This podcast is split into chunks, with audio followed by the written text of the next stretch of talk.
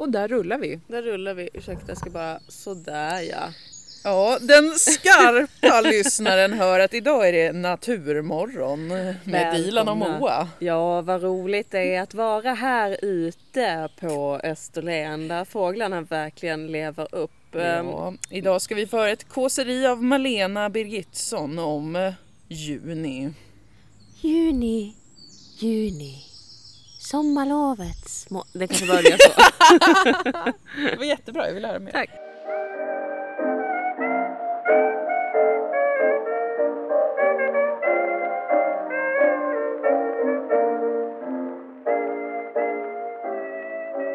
Vi sitter ute och spelar in. Det här känns som ett väldigt naturligt steg i utvecklingen av podcasten Dilan och Moa Ja. slash vår eh, psykiska Häl- eh, hälsa. för- eskalering.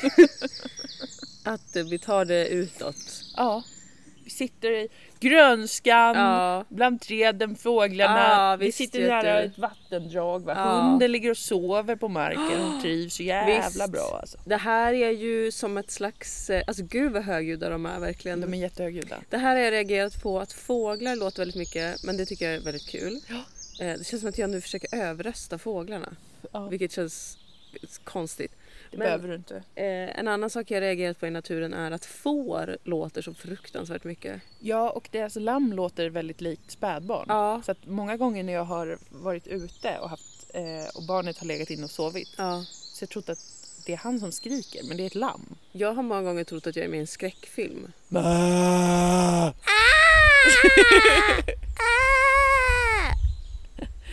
Det är jätteäckligt. Jag förstår verkligen eh, varför liksom får och getter och sådär har blivit skräckfigurer i... Just det, de är ofta förknippade med typ Satan. Ja, precis.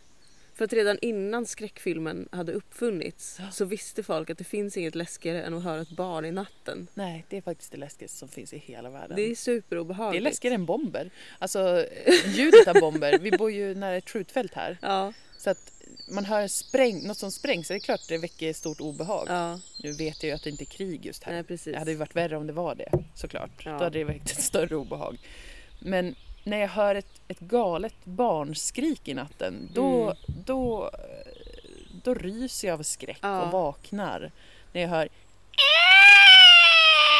Exakt. fy vad obehagligt. Fy vad läskigt det är. Det kan man ju använda som psykologisk krigsföring. Ja, det kan man. Tips till Försvarsmakten. Är Om vi inte har det- råd med att, vi kan inte gå med i NATO eller vad det nu är de vill och vi har inte råd med att ha grejer. Nej, men kan vi ha psykologisk Det är ju ekologisk krigsföring. Det eller hur? Att vi använder oss av naturen. Faktiskt. För att skrämma folk på natten. Men är det det som den här Men Who Stare at Goats handlar om? Jag vet inte. Det är väl någon militär, om något militärexperiment där folk, när militärer stirrade på jätter på något sätt. Och försökte... Få dem att vara jätteläskiga kanske. Jag vet inte, jag har nej, inte nej, sett det är filmen. spekulationer då från bådas håll. Ja precis. Jag har vet inte heller att sett det den. finns en film och att det är baserat på en verklig, någon CIA tror jag. Ah, de höll på mycket med sånt känns det som. Ja Att precis. testa vad olika djur gör. Ja och Hur exakt. man kan använda sig av det. Nej men de är jättedramatiska. Jag är så himla nyfiken på vad de går igenom fåren. För att alltså det är, det är svårt att beskriva men det är som att det väldigt ofta är en kör av får och inte så här "Mä", Nej. mys Nej. utan verkligen så här "Wah! Ah! Verkligen. De, men jag tror att de bör, alltså jag ser framför mig att de var väldigt högljudda, alltså som, som människor som är högljudda. Som, Ja. som hela tiden skriker på sina barn typ. Ja, kom visst. hit, kom hit! Emil, Emil kom nu, Emil, snälla! Nej men gå inte där, gå inte, kom hit, vi ska äta, du ska äta! Alltså den, det är det jag hör. Ja! Mö, mö, mö. Och barnen bara Men jag vill inte! Jag ska gå hit! Jag tänker inte! Fuck you mamma! Varför lyssnar inte ditt barn på dig? Varför lyssnar mitt barn lyssnar på mig? Ja men snälla om jag säger till lille bajsråttan som är mitt barn, ja men absolut. Att, jag att det kan, är sånt de ja. står, alltså gallskriker om till varandra som, som föräldrar på en, eh, i en shopping mall. Ja, ja absolut. Ja, men det, är, det, det, är, det är väl något man får leva med helt enkelt. Ja. Antar jag, om vi ska leva i samförstånd. ja, vi lever ju i samförstånd nu med naturen. Det gör Då vi måste vi absolut. deras ljud. Deras. Jag undrar hur mycket det blåser in i podden men, men det är ju en del av naturupplevelsen antar Ja, jag. ja, ja, det får det vara nu. Det, var ju väldigt mycket när vi var ute på norska ishavet. Ja, Men då precis. var det ju liksom kastvindar. Ja exakt. Havs. Och inga, inga, inga träd i vägen till Nej. exempel. Utan det var ju vi på öppet hav som stakade en kaskelott. Just det. Good memories! Good times, good times, good times. Jag eh, har fått en, jag har fått flera frågor gällande förra avsnittets eh, min, min tv-ratingskala. Mhm. Eh, människor som varit oroliga. Jaha. Vad tycker du egentligen om den här serien? människor som har sagt, eh, har du glömt att den här finns? Ja. Vad har den här fått för poäng? Så jag är glad att eh, MOA-index har redan satt sig Ja. vad gäller tv. Jag kallar det, eh, är index rätt ord? Jag Det kände- ing- kom jag till mig som ett rätt aning. ord. Jag har ingen aning. Mosen-index. Ja. Eh, den första frågan gällde mm, Twin Peaks. Aha. 10 av 10. Ja. Jävligt tydlig med att det är 10 av 10. Ja. Jag, jag nämnde aldrig det förra gången. Men Twin Peaks är eh, där, de avsnitt där David Lynch och han den andra killen som jag, eh, Mark Frost. Mark Frost, Ja. när de har jobbat tillsammans och Lynch har fått göra sin grej. De avsnitten är otroliga. Mm. Och stämningen överlag är otrolig. Sen, sen barkar åt helvete i ett antal avsnitt där Lynch inte var med. Mm. Då blir det som en jättekonstig eh, såpopera typ. Slutet av säsong två. Ja. Sen kommer han ju tillbaka. Älskling. Älska, älska honom. Och vi har ju nämnt tidigare i podden att eh, den sexigaste scenen som någonsin har gjorts eh, är ju den i Twin Peaks när Agent Cooper inte har sex med en ung förförerska som jag Mm. kallar henne. Mm. en slinka. Ja, precis. Det är det absolut sexigaste som, som har hänt. Så att Twin Peaks får 10 av 10. Jag fick även en fråga gällande, ehm, jag tror att det var Better Call Saul Ja. som är en Netflix-produktion. Den har jag inte sett men jag har hört många säga att den är bra och min egnaste kille har berättat för mig att den produktionen, där slängde Netflix pengar för de hade fått bevisat genom Breaking Bad att det, det här funkar extremt Ja. bra. Så där har Netflix inte lagt sig i vad det verkar i produktionen och därför så, så är jag öppen för att tro att den kan vara en, ja faktiskt en sexa. Jag, jag ska titta på den. Okej. Det är ändå ganska högt. Mm, mm, men Breaking Bad tycker jag ju är fantastiskt. Det är inte en 10 av 10 Nej. utan en 9 som jag tror jag nämnde i förra avsnittet. Ja. Den når inte hela vägen fram med mig. Nej. Det var bara en liten eh, uppföljning på förra. eh, Ni får gärna skicka in och fråga. eh, Jag, jag tror att jag har fått med de flesta 10 av 10. Jag blev direkt svartsjuk på att ingen undrar vad jag tycker. Men Dilan, du har inte varit lika hård med att ha ett eh, sånt här eh, strikt index. Är det för att jag bara tycker om barnprogram som ni inte respekterar mig? Ni vill inte ha min bekräftelse? Är det det? Men fråga mig om barnprogram då. Ja, Eh, du kan klassificera barnprogram. Ja, det kan jag göra. Ehm, För att det är min superkraft att jag är så otroligt eh, aggressivt passionerad kring TV. Mm. Alltså det, det gör ju att, att, man, att folk undrar. Ja, jo det är sant. Det Men är du är ju sant. väldigt passionerad, inte aggressivt passionerad, men passionerad kring barnkultur ja. också. Konstigt Alltså inte bara. nog är det. Konstigt nog. Men det, det är viktigt också har jag förstått. Ett av de mer obehagliga dragen jag har. Vilket är också varför jag förstår att folk inte adresserar det. För att jag förstår att man inte vill liksom uppmuntra en vuxen som bryr sig så mycket om barnkultur. För att det är, jag fattar vad ni misstänker.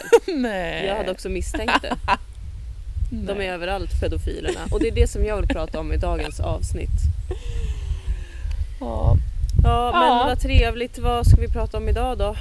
ja Vi har som vanligt du. inte förberett något. Jag läste en, jag har igen läst en kulturkrönika. Det här är ohållbart. Vad har du läst? Den var helt, alltså den var riktigt sådär skriven i affekt tror jag för jag förstod Wow. ingenting av det. Okej. Den var jättekonstigt formulerad. Jag minns inte om det var Expressen eller Aftonbladet för att de tidningarna ser tyvärr likadana ut Ja. för mig. Ja men det var lite sån eh, så här. Eh, jag fattar inte riktigt hur de funkar. Alltså Nej. det är som skvallertidningar men de har också en seriös del.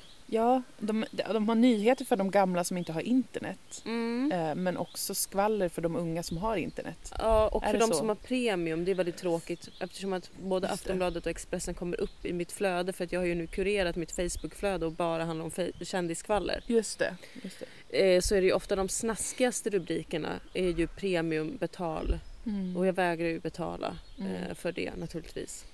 Men det var någon som var eh, eh, som hette Gunilla tror jag Mhm. som var väldigt sur över att Kim Kardashian hade provat, eller nej, hade använt Marilyn Monroes klänning.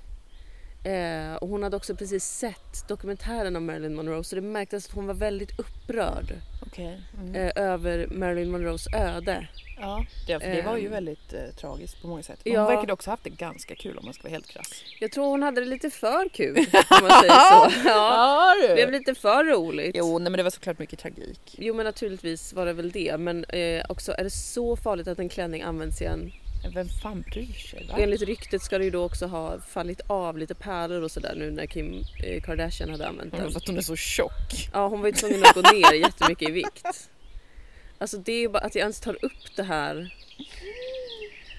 Det är så otroligt ointressant. Jag tyckte bara att det var väldigt kul att hon var så himla sur hon som skrev den här. Ja. Men På vem liksom? På Kim Kardashian då eller? Ja, men det kändes mer som att hon var arg på världen. Att hur kunde det här hända Marilyn Monroe? Ja. De pissade på henne när hon levde, när hon dog och nu förstör de hennes klänning. Får det aldrig ta slut? Och jag kände, är det jag som tillhör fel generation? Hade, om jag hade tillhört en annan generation hade jag förstått Marilyn Monroes stor. Hade hon, hade hon haft mer än gudastatus för mig då, där jag också hade känt Ta inte på dig hennes gamla klänning. Mm, kan, kanske. Att du Men- skändar henne Men i var det mycket graven. det att hon hade det så jobbigt och um, alla pissade på henne och sådär? Ja. Och därför så borde man freda hennes klänning när hon har dött. Men För för det- det, det- där, eh, igår såg ju du och jag på J Lo dokumentären på Netflix. Ja, får man ens kalla Nej, det för var inte en dokumentär? Det var såklart urusel. Men då tänkte jag också på att ehm, på, då, då var ju J Lo mycket så här att hon har fått ta väldigt mycket hat och, och, och sådär. Ja, förlåt. Eh, Skrattar, skrattar direkt. det, har, det har hon ju. Ja. Men hon är ju också en av världens kändaste människor Ja. i hela världen. Ja. Och det var ju Marilyn också. Ja. Alltså jag förstår ju att det finns en stor orättvisa att jämfört med en man som är känd för eh, det den gör Mm. så får hon kvinnor ta mer och om man är, inte är en vit kvinna får man ta grejer sådär. Mm. Mycket skit. Men det är ju också, du är ju urkänd. Mm. Du är ju mycket, mycket, mycket, mycket älskad. Alltså så älskad att det nästan är det som är det konstiga. Inte att folk hatar någon. Nej precis, det är Konstigt. att folk står och, står och skriker när de ser dig. Ja, och, och liksom är, är tokbesatta i, i dig. Men alltså gud, jag, alltså, du vet att jag har, min mobbarnerv är ju Mm. enormt liten. Mm. Alltså, eller det, det vet ju kanske inte du eftersom att du tittar på TV med mig så du hör ju, Ja, ja. du hör hur vidrig jag är mot människor. Men liksom att, att så här, genuint känna Alltså, jag, jag, jag kan ju tycka att det är jättekul att sitta och titta på TV och håna folk väldigt grovt. Mm. Men ändå förstå att det här är en människa och det jag ser är lite fiktivt och jag förstår att jag hade inte sagt så till en person i verkligheten. ja, det är väl själva fiktionen ja. Men J Lo väcker en känsla i mig av att vilja säga det till henne i verkligheten. Och det är för mig att liksom den riktiga mobbarnerven. För att du kan inte vara, alltså jag fattar också att hon har varit med om jättemycket hemskt och liksom att paparazzis har förstört hennes liv. Alltså jag hatar ju paparazzis Ja, men verkligen. det... Eh, men Bessie nu slutar vi ta sönder min... Hörru, är du en valp? Dumma valp. Lost. Nu räcker det. Det var jättekul en stund men jag orkar inte. Gå iväg din dumma Tack. kossa. Nu är det slut. Nej. Eh, nej men hon har... Shht, det räcker. Hon börjar vara jättejobbig. Ja hon är ju kåt tror jag. Ja. Nej. Nej. Var det Jag bålgetingen? tror det var bålgetingen. Den bor här. Ja. Vad skulle jag säga? Jag blev avbruten av naturen. Mobbarnerven väcks i dig Jo. och du vill säga till Jennifer Lopez face. Jag vet att, du, att alltså, det går inte att förneka att hon har haft ett helvete på Nej, många sätt. alla... Men sluta vara en böl-Janne. Ja, Om du är en böl-Janne så kommer jag vilja mobba dig ännu mer. ja Ha precis. inte med klipp i din dokumentär där South Park driver med dig. Det är den största äran en kändis kan få, att de bryr Ja. sig, att de noterar en. Och om du bryr dig om att South Park mobbar dig så kommer de mobba dig ännu mer. Exakt. Alltså de gjorde ett helt avsnitt om att eh, Kanye West inte förstår Ja. skämt. det var, det var, ja. Nej men, Men alltså. USA är så fascinerande. Ni vet ju ni som lyssnar på den här podden att jag har, har hatat väldigt mycket på USA. Mm. Och det intressanta är att på senaste tiden så har jag fått eh, nya vänner som kommer från Amerika. Mm. De Förenta Staterna. Mm. Eh, och de har ju varit väldigt trevliga. Ja. Så jag tycker ju om Det är de väl personerna. de känd för som folk, amerikaner. Ja, ja visst men de är inte så liksom plastigt trevliga utan Nej. vi har träffat misfits från USA liksom. Och det har varit jätteintressant för mig. Det är lite som när en rasist kanske behöver adoptera ett barn. att man är så, oj, nu måste jag kanske omvärdera lite. Ja, Eller hur känns det här? Det blir lite konstigt. Men jag, jag, jag kände igen att jag igår drabbades av det här enorma hatet mot USA Mm. och hela den Mm. underhållningsindustrin och att jag är hjärntvättad i den och att Mm. jag eh, ser på detta. Eller inte att jag ser på det för det tyckte jag ju var kul för att det är, det är så hjärndöd TV. Ja, det var ju ditt förslag att vi skulle se den. Sen gick du Ja, ja. i telefon så att jag såg själv den mest transformativa delen Ja, som jag ska precis. berätta om nu. Ja, För den väckte tankar hos mig på Ja. det här temat. Alltså på temat om att bli känd och väldigt älskad och väldigt Mm, hatad. mm. Eh, för att man är kvinna eller tjock eller smal eller brun eller svart eller vad det nu är. mm, All möjlig hat. Mm. Folk besinningslöst tycker att man suger röv Mm. och media har mobbat henne och mobbar alla tjejer och sådär. Ja, okej. Sen så berättade J Lo själv att hon nu hade, efter att hon hade fått sina tvillingar när hon var 40 eller vad det var. Så då var hon liksom, försökte hon leva familjelivet ett tag och sen när hon var 42 ville hon börja jobba igen men hon visste inte vem hon var och vad hon skulle göra mm, känner sig vilsen. Hon har, ver- verkar ha alltid haft en, en känsla av att det aldrig räcker. Fick man ju en psykologisk förklaring till för att hennes mamma sa jag har alltid tyckt att mina barn måste vara bättre än vad de är. Och Ja. tydligen sl- slog, spöde ner dem också. ja, hennes mamma verkar också hata henne. Ja, så hon verkar ha ett extremt svårt eh, familjetrauma som Ja. ligger till botten för en ändlös presta- prestation Ja. och eh, att det aldrig någonsin kan räcka för henne. Eh, Och kan aldrig lita på det själv, att hon duger Mm, och får skapa även om hon inte blir multibiljardär, det är hon redan. Men i alla fall så då pratade hon själv om det att, att eh, hon blev så eh, periodvis så väldigt, väldigt nedbruten att hon ville sluta. Så hon blev nedbruten av att höra alla saker om sig själv, allt hat om sig själv. Och det, då var det intressant för hon sa att det som hände var att hon, hon började tro på det för att hon inte hade någon grundtrygghet. Inte har haft någon grundtrygghet i sitt skapande och i sig själv. Eh, och att det som händer är att hon börjar eh, tro när de skriver att hon är dålig skådespelare eller när hon är, att hon är dålig på att sjunga, att hon inte kan någonting. Så börjar hon tro på det och då blir det för nedbrytande naturligtvis. Och då blir, blev hon jätteledsen och, och ville sluta hela tiden. Sen kom hon tillbaka hela tiden och, och, och, och kör ändå ju.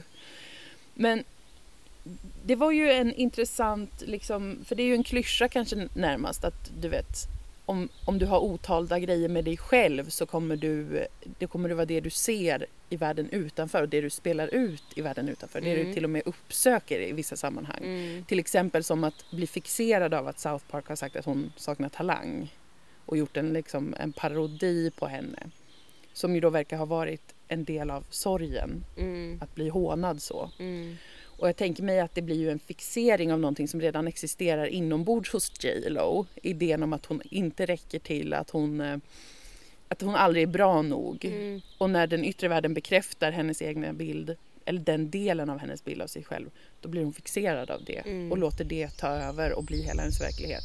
Tills det att hon inte orkar mer. Sen orkar hon mer. mm. Spoiler alert. Det tyckte jag var ett så väldigt tydligt exempel, eller liksom nästan klyschigt, det kanske inte alls är något nytt, men det slog mig liksom att just i den där dokumentären som också var till väldigt stor del handlade om bara ex, hur extremt framgångsrik hon är. Ja, Hur hon är en global ikon, hon är multimiljardär, hon kommer liksom från Bronx, från en trebarnsfamilj, fattig invandrarfamilj. Eh, aldrig haft liksom, pengar eller någonting så här så blir hon värsta multimiljardären och, och Mm. värsta världsstjärnan liksom, på egna meriter. Och att hon även då i 40-årsåldern, eh, hon berättar i retrospekt om hur hon i 40-årsåldern kände att hon har, in, hon har ingenting. Hon är inte bra så på jävla någonting. sjukt alltså. Alltså om man förstår kraften i, Sett till hur mycket hon hade gjort vid det laget. precis, och hon har gjort filmer, album, hon har blivit som sagt enormt rik redan då vid Mm. det tillfället och hon, hon har fått jättemycket praise men inte Mm. blivit eh, så omhuldad av etablissemanget inom varken musik eller, jo inom musik, hon har jättemycket Grammys i och för sig. Men eh, som skådespelare fick hon aldrig, har hon aldrig riktigt fått någon upprättelse verkar det som. Mm. Eller så här, hon har inte blivit intagen i finkulturen som skådis för att hon väl klassas som en lite mera... Blev hon någonsin Oscars-nominerad för Hustler? Nej. Det var ett jävla tjat om det det. var, det, hela dokumentären handlade typ om eh, ifall hon skulle få det eller inte. Hon blev inte nominerad. Eh, och det var också det året när Oscarsgalan fick som mest kritik för att alla bara var vita alltid. Och det var en del i det var ju att hon inte eh, fick någon Ja. nominering för hon var favorittippad. Men det var Ja. inga brown latinas or black women or asians som typ någonsin fick det var, Jag tror det var 2020 där det verkligen blev en jättegrej med Ja. det. Med all rätt verkligen. Alltså, Mm. Fuck Oscars Ja men också lite så här, vad förväntar man sig av Oscars? Alltså, Precis. det här är återkommande tycker jag. Och det är intressant för att jag har ju själv blivit eh, kränkt vid olika tillfällen över att till exempel Sodom inte har uppmärksammats eh, på olika sätt. Mm. Men där jag i, i retrospekt kan känna, ja vad skönt. Mm. Vilken komplimang det är för att när jag har kommit ur affekten och Mm. berusningen av att ha skapat något som är jättestort för mig som har kommit ut så vet jag ju att eh, jag personligen jag behöver vissa erkännanden typ av så PR-skäl. Alltså Mm. typ att våra grejer ska spridas och vi kanske ska tjäna pengar. Ja. Av materiella skäl. Men av kreativa skäl så vill jag ju inte ha bekräftelse från vissa håll. För att varför Nej. skulle jag vilja det? Precis. Och det kan jag känna med Oscars också. Att varför skulle du vilja... Men jag förstår ju för att det handlar om, i andras ögon blir det ju stort om hon blir Oscars-nominerad. Ja. Fastän vad är Oscars? Ja men det är ett gäng Ja, alltså, skummisar här- antagligen. Varför skulle man bry sig om dem? Ja, ja. Mm. Men det var liksom... Det var, det var ju intressant att de, det, dokumentären handlade inte alls något mycket om det men det var liksom i en passage som, som hennes, hon, hon, Jennifer Lopez beskrev sin mamma som en extremt komplicerad person med jättemycket bagage Mm. som eh, liksom eh, Som ville bli skådespelare som själv ville bli det. skådespelare, inte kunde det. Och sen så beskrev hennes mamma då i ett kort klipp hur hon, eh, hur hon liksom alltid förväntade sig det mesta av sina Mm. barn. Att hon aldrig skulle nöja sig med mindre. Mm. Nej, men det var väldigt, eh, det var väldigt tydlig uh, mommy issues. Eh, och att hon själv beskrev ju den, den interna konflikten kring duger jag någonsin? Mm. Och att det var den hon spelat ut genom också det här som rör sig runt omkring henne, paparazzis och tabloids. Egentligen så kan man ju tänka sig att inget av det någonsin skulle ha behövt spela någon roll för henne. Att det hade kunnat få släppas ut i världen, den ondskan som paparazzis är och eh, alla de skithistorierna om hennes röv, alltså om att hon har en stor, stor stjärt, typ var jag helt tokig. Alltså, det är ju såklart disgusting, alltså att Mm. världen är så enormt sjuk i huvudet. Men det hade också kunnat betyda absolut ingenting för henne. Det hade kunnat, i, i, ett, i en utopi så hade det inte betytt ett uns av någonting och det är det verkliga privilegiet. Ja, precis. Om, man får, om, man får, om folk kan säga saker om en om man inte tror på det. På riktigt inte tror på det utan låter det få vara. Ja, att- man då börjar undvika sammanhang där det kommer hända. Alltså Mm. jag tänker att det är oundvikligt för och särskilt på den tiden. Jag menar att samma sak har vi ju fått eh, påminnas om med typ Britney Spears och sådär. Alltså den här Mm. förföljelsen av en kvinnlig artist. Mm. Ehm, och att det såklart blir olika för de två för de är väldigt olika artister och personer och allt sånt. Men ändå något gemensamt i det här, de här trakasserierna. Mm. Och att då att alternativet blir ja, men antingen måste jag acceptera det här eller så måste jag sluta. Mm. Istället för att men kan jag hitta andra sammanhang för min kreativitet då? Mm. Men det blir ju som att sluta. För ska man hitta andra sammanhang, ska man sluta sträva efter att få gram, grammis. Grammis. Vad blir man då? Då blir man kanske en annan typ av artist eller kreatör. Och Mm. det känns som att man slutar eller att man ger upp fastän man kanske bara söker efter bekräftelse på annat håll. Ja. Vad är kreativitet? Vad är kändisskap? Ja, jag vet inte riktigt. Ja, nej men visst. Alltså jag, jag tänker mig att en stor del av kändisskapet är ruset av att bli älskad. Ehm, villkorslöst älskad. Men det är också ruset av att bli förnedrad och känna skam. Ja.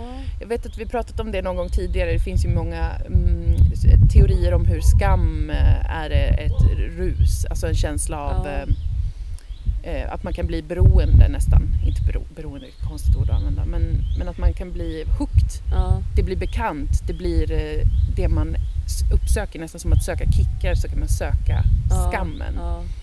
Och jag, jag eh, förstår det som att väldigt många känn, som, som lever med ett kändisskap i ett kändisskap, låter som att leva med cancer, de som lever med ett kändisskap, att de får, ett, eh, de får en typ av kick av att bli så villkorslöst älskade. En kick som också sen tar slut.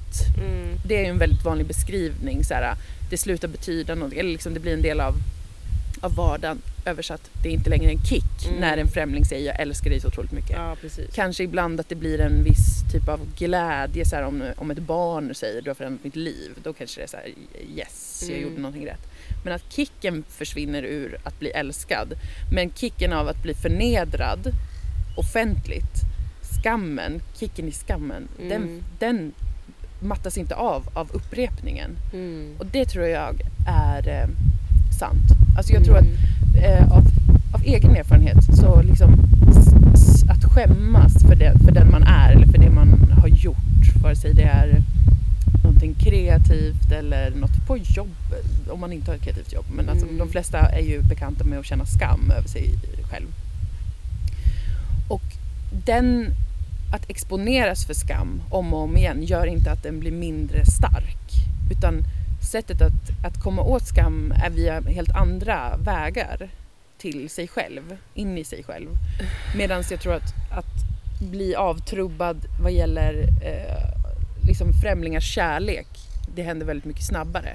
Så jag tänker att i början är det kanske 50-50 förnedring och kärlek och sen så, som man upplever starkt. Sen så slutar man uppleva det positiva eller den, det kärleksfulla man får om man fixerar sig och håller fast vid eh, skamcykler och eh, förnedringen som man utsätts för.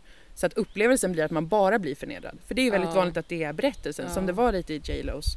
Alltså, eh, det är en parentes är så här, hon är multibiljonär. Alla älskar henne. Hon är superduperkänd. Hon är liksom, eh, har förändrat livet för jätte- jättemånga. Det är Mm. liksom en parentes. Och sen är det så här, men hon har blivit utsatt för så himla mycket. Mm. Och det är liksom det som hon bär med sig. Det väger tyngre.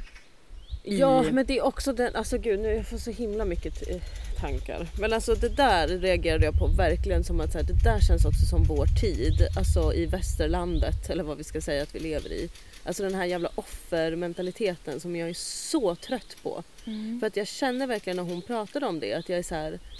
Ja, det är klart som fan att du har utsatts för kvinnohat och rasism och alla de här grejerna. Men du är inte ensam om det. Alla måste sluta prata om att de är ensamma om det. Mm. Alla precis. ska bli representanter för den här smärtan. Men, men den här, det här del, alltså det spelar ingen roll. Det, jättemånga människor utsätts för det här. Ja, det är verkligt.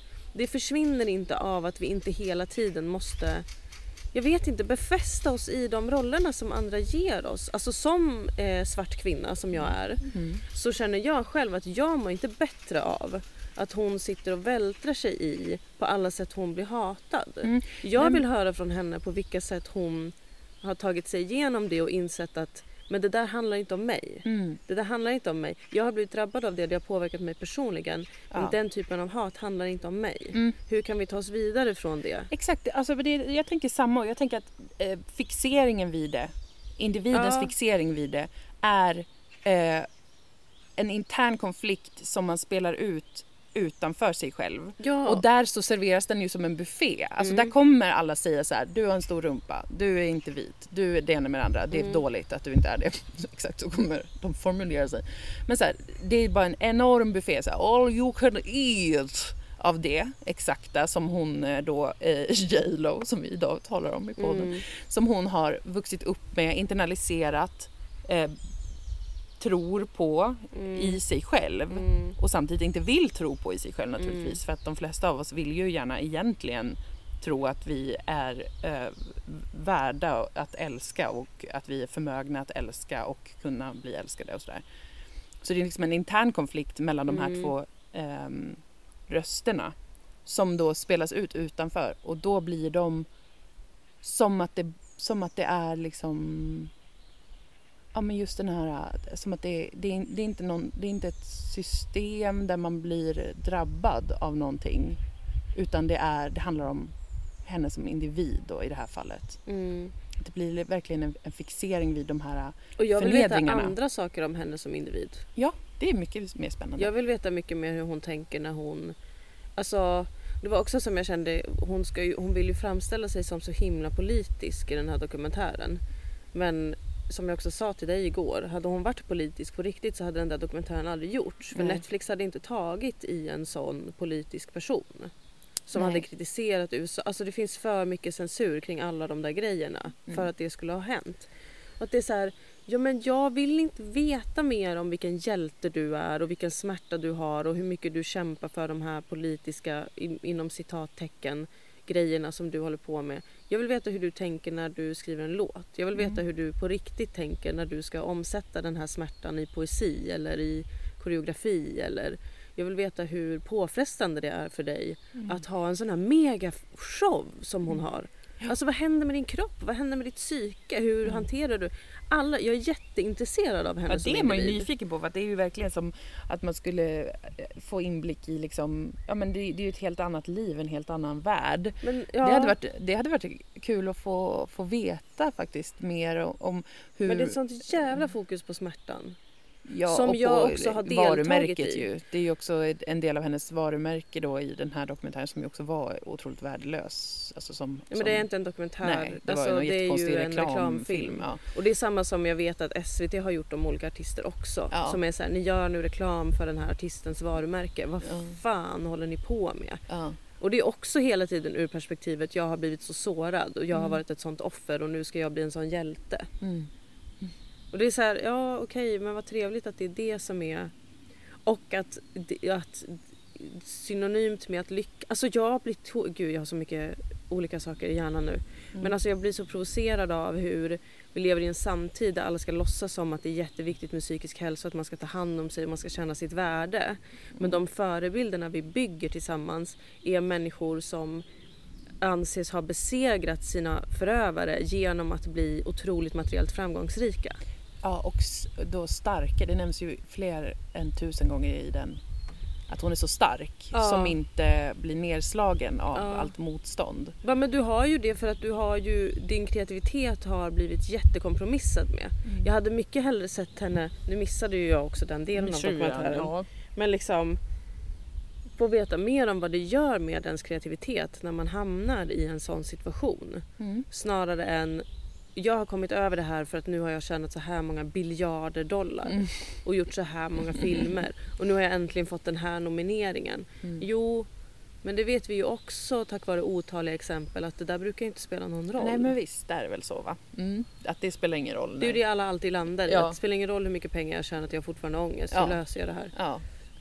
Men jag tyckte också det var intressant med när du pratade om att så här, kick, skamkicken eh, aldrig mattas av. Inte genom exponering tror jag inte. Nej, och, och, men, jag, men jag skulle vilja tro att det finns eh, en kick kring glädje och stolthet som också kan vara lika stark hela tiden.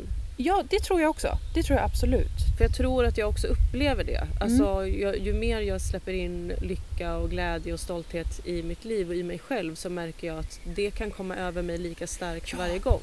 Det är, det är superintressant för att jag känner eh, liknande, eller jag har liknande tanke om att, eller idé, vad ska man säga, att den där, det som man identifierar som eh, att bli gi- given kärlek i ett Mm. kändisskap, det är ju massa främlingar Mm. som, som hör ens musik eller ser ens konst och börjar älska en för det. Mm. Och så upplever ju som de allra flesta verkar som att det är kul och bra. Sen så betyder det plötsligt, eller plötsligt stegvis, betyder Mm. ingenting längre. Mm. Men då kanske man ju har då letat efter kärlek på den platsen. Och man har inte letat efter den på den plats där den kan uppstå. Eller på Mm. de platserna där den kan uppstå. Mm. Inuti en själv och så också ute, genom det ute i ens liv. Mm. Att det finns en, en liksom ett glädjerus eller tacksamhet eller ödmjukhet eller positiv bara liksom eh, hänförelse över Mm. livet. Mm. Som också är ett slags rus men det är lugnare. Mm. Det är inte det här Oh my god den här sa att jag är bäst. Mm. Utan det är mer kanske eh, i, i ens eh, vardag. Eller Nej man, precis, för att det är ju inte att, att eh, få massa glädje till sig. Nej. Eller att stolthet eller något, för då är man ju tillfreds. Mm. Den där känslan, åh gud de här älskar mig, de här människorna tycker jag är så jävla bra. Mm. Det skapar ju egentligen mer en känsla av prestation då. Precis. Eller liksom, då måste jag fortsätta mata det här eller göda det här eller jag måste fortsätta hålla dem nöjda. Precis, det är de som avgör mitt värde ju då på ett sätt. Ja. Den här yttre världen. Och vad är mitt värde om jag ska försöka bedöma det så tar jag till mig av vad folk säger. Ja. Och om då det verkar som att väldigt många säger att jag har, en ful rumpa då är det det som är eh, något jag måste fixa. Eller de säger att jag är dålig på det här, då måste jag fixa det. Men alltså jag tror ju fortfarande att man kan få den glädjen av främlingar. Alltså Jo, jo. också vid känslan av att så här, ja, men jag kanske har skapat något som väldigt många människor kunde relatera till eller tyckte om eller och det var det som var det, var det Precis. som var det jag ville. Ja precis, det sa J Lo också att det är det hon blir glad för liksom. Mm. Eller känner att det finns en mening i att fortsätta skapa för att det är att berätta berättelser och Mm. dela sina berättelser på olika sätt. Och kanske gör, gör så att fler gör det och sådär. Och att det måste inte vara till för alla. Det är ju en sak som jag ty- tycker om med Beyoncé. Eh, som ju är den sanna superstjärnan. Alltså hon är ju verkligen en otrolig, alltså det, jag, jag har svårt att mobba henne. Jag tycker inte om allt hon gör. Alltså, Nej. men det som jag tycker om med henne är ju att hon också har blivit en person som är så här: du behöver inte det för det här är inte till för dig. Mm. Och det kan jag ha så himla mycket respekt för. Ja. Att bara, men ja, det här har inte jag skapat för att alla ska tycka om det. Det här har jag Nej. skapat för att den här personen, en person ska tycka om det. Mm. Det är viktigt för mig att Ja. den här, men inte att du Ja, gillar kör hårt. Ja, det är, Och hon sjunger live. Mm. Det var ju en av de stora sakerna jag ville ta reda på när jag kollade på J.Lo. ja. Det är väldigt roligt att det var jag som ville titta på det här men det är du som har tagit med dig verkliga tankar och insikter av det. Medan jag bara ville få reda på, sjunger hon playback eller inte? Jag satt och filosoferade när jag Ja. såg J Lo och jag, Jag tänkte på detta. Stirrade på hennes hals för att se om hennes stämband rör på sig. Jag tror inte hon sjöng live. Det lät Nej. inte så. Nej. Men, ehm, men, men eh, precis. För, du- men man kan känna glädje. Berätta mer om hur du upplever det. Ja, hur upplever jag det? Det här är P1 Morgon. När jag går ut i naturen och ser ett löv som darrar ensamt medan de andra löven runt omkring står still. Då känner jag som att det vinkar till mig. Och jag fylls av en enorm glädje. Det här är sant. Det här Ja. händer mig ofta när jag tittar på träd. Nej, Men alltså, That's cute. det är jätteroligt för att det är verkligen som att de vinkar ibland. Mm. Alltså ett ensamt löv. Ja. Det, de andra rör sig inte. Nej, Att vinden kommer in på något konstigt sätt. Men Nej, eh, jag ja... tänker på det. Hur är det? Nej, men ibland bara eh, när jag översköljs av en enorm känsla av kärlek inför livet eller personer i min omgivning eller saker som har hänt. Eller, alltså att jag bara kan känna en sån Oj vad, vad häftigt och fantastiskt det är Mm. eh, att vara vid liv och vad sjukt för jag trodde aldrig att jag skulle känna så. Mm. Jag trodde verkligen att livet skulle vara ett enda långt besvär som jag skulle stå ut med Mm. eh, för andras skull. Mm. För att det skulle bli för jobbigt om jag försvann. Mm. Inte för att alla skulle böla efter mig kanske men alltså, du vet, så här, det kanske blir logistiskt jobbigt och någon kanske blir ledsen. Alltså, du vet, att ha gått från den inställningen till livet till att genuint känna så här gud vad coolt att vara här. Mm. Eh, då, det är ett sånt tillfälle när jag kan sköljas över av en sån glädje och stolthet över mig själv. Mm. Eh, att känna så här, oj vad häftigt att jag också kan känna så. Mm. Jag trodde aldrig att jag skulle känna så. Nej. Och det är, jag kan, jag kan få vara på den här mystiska platsen och ändå känna att det är superduper coolt. Ja. Jag vet inte om det var ett svar på... Jo, men det, det... Men det är såna, det är såna tankar som har också har varit återkommande, att känslan har varit lika stark varje gång. Ja. Eh, och lika glädjande varje gång. Ja. Och det har ju inte tagit bort att det ibland känns liksom jobbigt eller eh, också så skamgrejer dyker upp. Men det Mm. tror jag är naturligt att det händer för att Mm. man är ju bara människa och sådär. Men Det måste ju finnas någonting då kanske i att eh, skammen kommer från en intern konflikt eller en upplevelse av att man inte passar in eller man gör fel och man måste lära Ja. sig av en smärtsam känsla för att inte göra om samma sak. Ja. Sen gör man om samma sak ja. väldigt ofta för att det, det är inte så man ändrar det som sagt Nej. genom att bara försätta sig i samma, man, man, man försätter sig i samma Ja. typer av situationer, upprepar samma mönster för att de är eh, bekanta och bekväma och sådär och så får man lika stark skam varenda gång i princip. Mm. Ehm, för det kommer från en inre konflikt. Och så tänker man att man kan råda bot på det genom en yttre bekräftelse, alltså att den yttre världen säger att man är skitsnygg eller Mm. bra på att sjunga eller skådespela eller eh, vad det än är.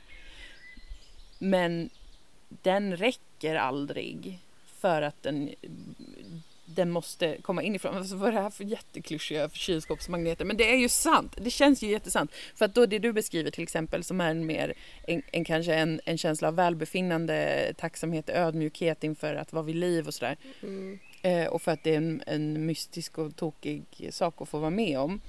Den, den kommer ju då inifrån en övertygelse om att här, eh, jag får vara här, jag är här, jag har rätt till mig själv, till mina upplevelser. Och då finns det plats för att känna någonting annat än liksom det, om det, yt- den yttre världen säger att jag inte får vara här, då får jag inte vara här. Nej, precis. Men för, men, eh, men för mig tror jag också att det handlar om att, att det är en yttre bekräftelse. Alltså det är en bekräftelse från... Jag har ingen aning om vad vi pratar om längre. Alltså jag Okej. vet inte om jag följer ett spår. Okay. Jag vet inte om jag är stringent, jag vet inte om jag pratar om samma sak. Men alltså... Try it. eh, om jag får, om jag, om, eh, om jag har ett trevligt möte med någon, Mm. att det kanske är så, nu träffar jag dig som jag tänkte på bara igår, och för sånt händer ofta, att folk Mm. dyker upp och sådär. Och jag blir så glad och lycklig av det här, eller det här djuret som jag stötte på nu, eller det där lilla lövet. Alltså för det är också utifrån saker för mig som jag känner att det är ju de här skamtriggersen också. Mm. Men man har lättare att erkänna dem. Nu har jag lättare att erkänna de här fina små toksakerna som händer i livet också som är fina Mm. men som jag inte har velat ladda med ett gott värde innan för att eh, Du har inte, någonting i dig har ju sagt att du inte får det. Nej men precis, precis. Ja, ja, jag har haft Mm. jättemycket så här, bara, eh, får, får, verkligen, får jag Mm. vara här? Mm. Får jag existera här? Ehm, men eh, vad var det jag tänkte på med det? Jo men att det är precis, att det är, det är både inifrån och utifrån på något sätt. Alltså att inifrån våga medge de saker som händer utanför mig själv på något sätt. Mm. Mm. Och få ta in dem. Mm. Och att det glädjande får vara lika sant på något vis. Ja. Och det konstiga och flummiga får vara lika sant. ja. Jag, jag kände att jag svävade iväg. Men jag tyckte faktiskt att det var, jag, jag, hängde, jag hängde helt med faktiskt, inte för att skryta men jag tror att det faktiskt Ja. hängde, hängde med helt. Alltså det, det som jag tänker på är ju de här eh, teorierna om, jag, jag har läst en del Jung nu på senaste, Mm. men om hur man speglar, eh, oj, hallå då. Alltså att eh, alla konflikter man har inombords i princip spelar man ut i den, i den liksom, vad man nu kallar den yttre världen, men i, Mm. i relationer, i jobbet, i eh, allt möjligt då. Där man stöter på andra människor. Så tror man att det är det det handlar om, men det handlar om att inuti en själv har man en, en konflikt gällande eh, vad man får och inte får känna, vad man får och inte får göra. Eh, och så letar man efter bekräftelse eller dementi på det Mm, i princip hela tiden. mm, Och då kan man alltid söka upp eh, väldigt bekanta mönster av att någon säger till en, du får Mm. inte vara här. Eller du har inte gjort tillräckligt bra. Och då ser man det som en bekräftelse på att den interna konflikten eh, är löst ju. För att då Mm. är det så, då måste jag fixa mig själv och då tvingar jag mig själv med olika känslor av att jag är fel och jag fylls av skam och jag måste anpassa mig och jag måste förändra mig och sådär. Och i det eh, konfliktdansen så finns det inget utrymme för att se, jag, eller känna, uppleva. mm, Jag får vara här. mm, Det finns fullt med roliga grejer och saker som vill mig väl. Eh, människor som vill mig väl.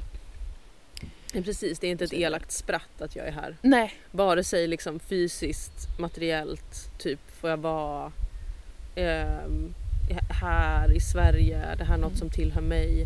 Men också få f- existera i kosmos. typ. ja. Mm.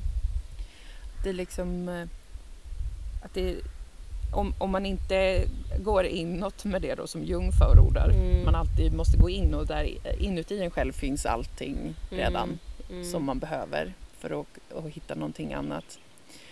Men, eh, men om, man, om man inte gör det, om man går ut utan att ha rätt i det, Mm, så verkar det väldigt mycket som att man oavsett hur mycket pengar man tjänar och hur mycket bekräftelse man får så kommer det aldrig någonsin räcka till. nej. Och det är ju en sån grej som eh, inte är några nyheter men det var väldigt, eh, jag, jag tänkte på det väldigt mycket när jag såg den här dokumentären då för att det blir nästan löjligt, alltså för mig, jag, jag, min mob- mobbarnerv eh, växer ju av att så här, typ att det är böligt. Så Bara, Boohoo, South Park gjorde skämt om dig. Ja. Du är en multimiljardär, Ja. vad vill du ha av oss? Ja, Alltså jag får bara säga, vad tror du? ja. Du har en så- så- enorm villa med en pool där du går, omkring och tycker synd om dig själv för att någon har så skrivit en jävla recension. rippad. Du är Jätterippad 50 50-åring. Och du ser ut som en så här 12-årig truppgymnast-unge. Alltså det, då blir ju jag såhär bara men screw you girlfriend. Ja, alltså visst. fuck off.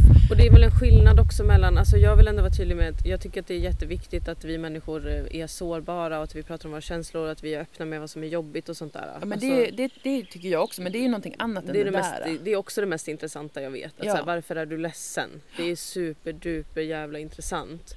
ja. Eh, men det är det, här, det är det här vältrandet och den här, eh, alltså att ens... Men oviljan att gå in då i, som hon senare gjorde lite grann. Ja. Men, men väldigt länge var det bara så att hon satt och läste och eh, recensioner blev uppringda av olika Ja. folk som sa att hon ska bli nominerad hit och dit. Ja, Och liksom jättemycket om det som kändes så helt pinsamt. Och, och en ovilja att liksom gå någon annanstans med det än att det handlar om att hon nu ska bli antingen bekräftad eller inte bekräftad av Oscars eh, juryn. ja, Fastän hon då hela tiden pratade om hur viktig den här filmen var för henne, hur liksom hon har producerat den, det handlar om kvinnor, det handlar om alltså... att det inte spelar någon roll att Hollywood består av massa dumma vita män. Ja, eh, som ändå inte har någon aning om vad som är bra. Ja, det stämmer ju. Precis. Så varför skulle så du varför behöva... är det, det, det då, då känner man ju så här bara, då kanske det, det skulle behövas en annan, ett annat samtal där eller kanske ett utrymme för att, att vara ärlig med att det är en sorg att inte få gå upp och bli upptagen i ett etablissemang. precis, och varför är det Varför är det det? Varför Ja. är det en idé? Är det en idé då kanske om att där skulle jag känna finally, Ja. finally skulle Ja. jag känna den här känslan av att jag har en plats här. Ja, Jag är tillräcklig i mitt skapande och som, som eh, konstnär, som artist, vad det än Mm. är. Att det är fortfarande den illusionen som hägrar. Och sen så, de som får då sin jävla Oscar, då hör man ju också samma sak. mm, Jag fick alla mina Oscars eller Mm. whatever. Jag var ändå olycklig, tog en överdos eller någonting. Mm. Exakt så här brukar det låta. ja. Men alltså det är ju som om vi, om vi kan bef- befästa att det är illusioner om att, ha en, att känna sig hemma eller sam, känna samhörighet och, och känna sig bekräftad. Mm. Det är illusioner, det måste ske inuti en själv. Att då ändå he, hela tiden hålla på med så här, ja fast vänta, det, om jag får den här absolut största eh, prisgrejen, Mm. då kommer det nog ändå kännas bra för mig. Hon är ju också lejon. Ja, gud. Det är så mycket för lejon med be- andras bekräftelse. Mm. Det är helt sjukt. Alltså det, det, vilket egojobb det är för alla som har lejonplaceringar. Alltså med att bekräftas av andra. Mm. Faktiskt. Jag har ju le, lejonplacering va? Ja, Du har må, le, månen i lejon. Mitt känsloliv är som Ja, ett lejon. Så jag kan förstå dem. Det är kanske därför jag Mm. också blir mycket triggad av lejon. Ja. Alltså att jag kan bli väldigt, eh, att jag vill läxa upp dem. ja, och det är därför de också kan verka skrytiga ibland. Mm. Ja för hon verkar ju svinskrytig. Det var en jätteirriterande så kontrast av att typ, Ja. man tyckte synd om henne och blev jätteirriterad på henne. Mm. Och så bara vänta, hon är så jävla rik och det Ja. spelar tydligen ingen roll. Fan vad sad. Nej, det spelar ingen roll så, så länge hon inte får den bekräftelse hon behöver Nej. från andra. Det Och egentligen är det då hon själv som Ja, måste komma till den precis. punkten. Ja, precis. Ja, det är jävla svårt, man vill inte möta dig, man tror det är de Ja, så de är det ju tror. lejonet styrs av solen ja, va, som lyser upp andra. Men det är ju solen själv som lyser va. Ja, ja, ja, Va? just det. Det är ju intressant Det är alltså. jätteintressant. Nej men, s- nej. Mm, det var något jag tänkte på men det har flugit ur mig. Angående J Lo och... Eh, jo! eh, det här får mig att tänka på ett citat eh, av Bell Hooks. Carpe diem. Ja, alltså man måste eh, fånga dagen. Nej förlåt, det var, det var för upplagt. Nej, men jag har verkligen inte läst Bell Hooks. Inte jag heller, jag har försökt men det är Alltså, så svårt. jag vet att jag läsa. älskar henne men jag har inte kommit dit än att jag har läst henne och jag beklagar sorgen att hon har passerat. Men när hon Jaha, passerade... förlåt jag trodde du skulle beklaga sorgen att du inte hade läst hennes Jaha, böcker. nej, det var därför jag skrattade konstigt. Nej men det, det beklagar jag jag inte. skrattade Det vet jag att jag hon kommer göra någon dag. Mm. Jag har bara inte Hon gjort är det. ju en underbar eh, Ja. tänkare var. Verkligen. Eller är hon kvar? eh, är hon kvar? Eh, så länge hennes namn inte är Nämns. bortglömt. Ja. Mm. Eh, eftersom att det här är en judisk podd så måste vi påminna om de judiska traditionerna. Nej men... Eh, det, är något, det var något citat som susade omkring där efter hon dog. Jag minns inte exakt hur det var men jag tror att det var något i stil med liksom ins, du blir inte radikaliserad av insikten om att du är ett offer. Ah. Som jag förstod det, det jag har tagit med mig i alla fall av det här citatet som jag har sett Mm. flera gånger. Mm. Eh, men inte riktigt minns exakt vad det var. Ordagrant. Man Ja. behöver väl inte komma ihåg ett citat ordagrant? Nej snälla det är väl inte så viktigt. Ja. Nej men att du, du, blir inte, du, du blir inte radikal av att inse att du är ett offer. Alltså Ah. din, din radikalitet, och i det här fallet då radikalitet som att i grunden vilja förändra ett system eller samhället Mm. eller liksom vara en motståndare till de normer vi lever under. Ja. Händer inte automatiskt av att du förstår att du är ett offer. Nej. Alltså att du förstår att till exempel att du har blivit utsatt för rasism Mm. gör inte att du... Insikten om det förvandlar inte dig till en antirasist eller en radikal antirasist. Nej. Det enda det gör är att du förstår att du har varit ett offer för någonting. Och en del i, del i någonting då som är större. Precis. Såklart. Ja. Men att bli en motståndare, att bli en aktiv motståndare, att göra någonting aktivt. Det är det som jag stör mig på också när jag ser J Lo med att hon ska försöka vara så himla politisk. Och jag är bara så här, men kan inte du bara vara en lite kitschig popdiva istället? Ja. Varför måste du föra den här that, kampen? För Jag förstår att hon vill det för Mm. att hon blir påmind om i USA idag vilket offer hon har varit för olika saker. Mm. Hennes, de hon identifierar sig med är otroliga offer för Mm. fruktansvärda skitsaker. Jag förstår att hon vill göra någonting. Mm.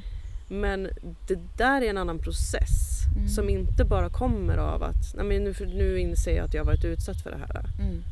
Det är inte, det är inte radikalt i sig. Nej, precis. Och det tänker jag på nu när det vi, när är vi pratar om detta. jättespännande för det finns ju någonting i dig som jag tänker på handlar om autenticitet då. Mm. Att liksom eh, J Lo, hennes autentiska skapande person Mm. skapar filmer, berättelser, låtar om kärlek och Mm. kluven och Mm. livet. Det är ju inte så att hon skriver politiska kampsånger till exempel Nej. eller är, är aktiv i något parti eller sådär. Utan det är hennes grej. Mm. Hon lär sig att det räcker inte att hon gör de sakerna eh, som den hon är. Mm. Utan för att, för att ha en mening med det så behöver hon också säga politiska saker då Mm. i den här kontexten. Och så gör hon det men det känns inte riktigt betydelsefullt Nej. eh, att hon gör det. Alltså, det kanske gör, gjorde det i det här sammanhanget där hon var alltså för, för många då, eh, antar jag att det gjorde. Mm. Men för eh, känslan kring henne som kreatör för mig blir ju bara det där lite mindre intressant. Mm. Ja visst. Det är lite mindre hon Ja. när hon ska liksom hålla på och göra ett stort kvinnomärke på, av scenen och, Mm. och så här, äh, prata om hur sjukt det är att NFL inte tycker att det är en bra idé. Man bara, nej men vad, nej. Vad- så, vad va- trodde vad du? bry- ja, det är väl, eh, ja det blir en sån ja. det är lite mindre intressant helt enkelt än det som, allt som är hon. Som, som är liksom en, en otrolig kreatör och, Mm. och en sån multikonstnär som bara, som bara kör och, och gör massa grejer. Det är ju jättekul och spännande. Hur funkar hennes kreativa process? Hur, vad vill hon göra en, eh, hur vill hon göra en show? Alltså, Ja, och att det inte måste vara så. Det här har varit återkommande i våra samtal i denna Mm. podcast. Att så här, lägga lite plakatskiten åt sidan. Att då kan man hitta i sig själv på vilket sätt det För jag har haft samma... Eller de här funderingarna tror jag finns hos många. Att så här, hur kan Mm. jag försöka påverka min samtid? mm, För att det är många nu som märker att saker och ting är verkligen fucked up på så jävla många sätt. mm, Om man vill hjälpa till eller kunna förändra och det, är- det är som en stämning av att du förändrar bara genom att vara plakatig. mm. För det är ju det de människorna är också i svensk offentlighet tycker jag som ska vara någon slags radikala personer. ja, Är extremt plakatiga. Jag upplever inte att de försöker förändra saker i grunden. nej.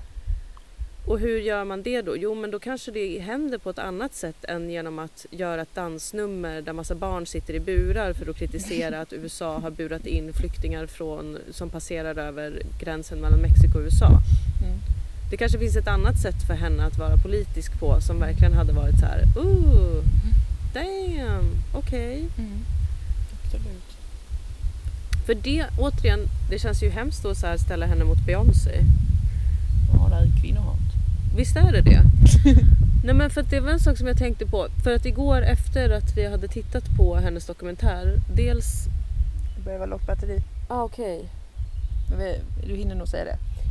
Dels vill jag ju se Shakiras framträdande på Super Bowl för det fick ju inte vara med i Nej, J Los dokumentär. det var jättekonstigt för att de hade ändå, skulle ju dela Ja. den headlinen. Ja. Men då, och sen så var jag ju besatt av ifall det var playback, om de sjöng live. Så jag var tvungen att jämföra med Beyoncé-klipp för jag vet att hon alltid sjunger live, det märker man. Och så hör, hör man på ljudet om det är playback eller inte. Och då eh, såg jag ju hennes Super Bowl-framträdande där hon sjunger Formation. Mm. Och det var en sån låt som kom som jag minns att jag tänkte så här: okej Beyoncé Snark du är en superstjärna, du är en multibiljardär, vem ska du liksom, vad ska du föra för kamp, bla bla bla. Och när hon skulle hålla på med feminism och sånt så tyckte jag bara att det var också plakatigt. Men låten Formation tycker jag är så jävla cool. Mm. För att hon liksom är den här supermegastjärnan som är så omhuldad av så många.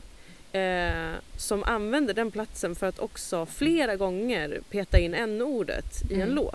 Mm. Vilket när jag såg det igår igen så påminde det mig om att så här, det som jag gillar med det här är för att det här resonerar med mig som jag också har pratat om i podden till exempel att jag skiter i vad du kallar mig. Mm. Men så jag skiter i om du kallar mig för svartskalle. Jag kommer inte gå hem och böla över det. Eller jävla blatte eller ni kurder är så här och så här och hedersmördare. LOL i min LOL-bralla. Jag bryr mig inte. Om jag får samma rättigheter som du så kommer jag skita i. Mm. Om jag har samma chans på bostadsmarknaden eller arbetsmarknaden eller vad det nu är. För det är där den radikal, det radikala förtrycket sker där. Mm. Jag skiter i vilka ord som används. Och det var det som drabbade mig när jag såg den låten framföras och påmindes om hur jävla drabbad jag blev av den låten när den Mm. kom. Mm. På ett sätt jag inte trodde jag skulle bli för jag trodde jag var för cool för Beyoncé. Mm. Men eh, att så här, jag vet inte, det blev som en påminnelse om det. Att så här, jag, kan, jag kan ta det här ordet och använda det och det spelar ingen roll. Det är Mm. inte det det här handlar om. Nej. Jag älskar min negro nose och baby hair afro och jag vet inte vad. Mm. Eh, jag kan, de här orden kan jag slänga ur mig. Det spelar Mm. ingen roll, de är inte förbjudna. Nej. Det är inte det som borde förbjudas. Nej. Det som ska förbjudas är att jag inte får ha den här platsen. Mm. Det borde... Så där, där, för att jämföra med någon som jag tänker har lyckats med att vara kontroversiell eller radikal Ja. eller politisk inom sitt, Ja. inom det hon gör. Och känns autentisk i det. Ja, faktiskt. Sen så all följ, alltså, allt som följt på det, alltså hela ja, fastän jag kulturen personligen... runt omkring det har man känt såhär bara, men gud. Alltså, det, men, men Beyoncé som artist känns som en otrolig kraft och en autentisk konstnär. Ja. Och som att det är helt inkorporerat i hennes skapande. ja, och det tror inte jag är för att hon är bättre nödvändigtvis än J Lo. De är helt olika personer med helt Ja. olika uttryck. Jag tänker att det verkligen handlar... Jag tänker att J Lo känner sig tvingad att göra den Precis. grejen. Fastän hon egentligen inte har det som, som sin, sin, sitt artisteri Nej. eller en del av sin person på det sättet. Exakt. Och då är det bara lite B att hon ska vara tvungen att känna så. Ja, det är jätte Att hon måste göra en så här, svepa in sig i amerikanska flaggan och sjunga Bruce Springsteen men också göra en cha-cha. Alltså det var så här, lugn! Ja, Så lugna ner dig. Gör, du äger, gör din grej. Ja, precis. Det är mer politiskt om du gör exakt det du bara vill för att du vill skapa det. Ja, Det är exakt. mer politiskt än att du gör det där. Ja. Vill man ju säga. Och det här hoppas vi att någon, om någon skulle kunna mejla detta till J Lo. Hälsa henne också att jag tycker hennes röv är stor. Ja, den är jättestor. Ja. Alltså... Hon är ju inte direkt svensk. Nej, det är hon inte. Man ser det på Ja, henne. det gör man. Och det, ibland säger hon sådana ord på spanska. Ja, con, Du- con, conchita och det ju vadå, det känner jag. Chiquita. Nu förstår inte jag. Nej, Tala svenska på svensk Ja. TV säger jag. Ja, jag tycker det får dig exkludera mig om Ja, du inte ja, gör ja. det. Ja, hur ska jag förstå? Ja, då blir jag ledsen Ja. känner, var mitt Sverige på Ja, väg? vad, vad fan hände med mitt svar? Ja. Där J.Lo är svensk. Ja, Vit fl- Ja. svensk flicka. blond, inte det här konstiga brun, orangea, va? Som hon har på håret och så. Va? Ja, tack J.Lo dokumentären för ett intressant poddsamtal. Vilken resa det här blev. Jag Det var inte det. alls beredd. Nej, inte jag heller. Så är det i More podd. Jag, nu håller batteriet på att ta slut. Ja, därför så måste vi säga farväl. Tack. Abock. Hej då. Tack och bock, vi hörs snart. Puss. Hej då. Snusk. Jag tänkte att jag skulle säga något J.Lo citat på slutet men jag kom inte på något. I've made over 40 films, nearly 40 films, and I have recorded so much money. I am born in America. I know Shakira is not, but I want to sing Born in the USA because this is about me. Jättebra citat. Tack. Autentiskt. Fan förlåt. Hon hör inte.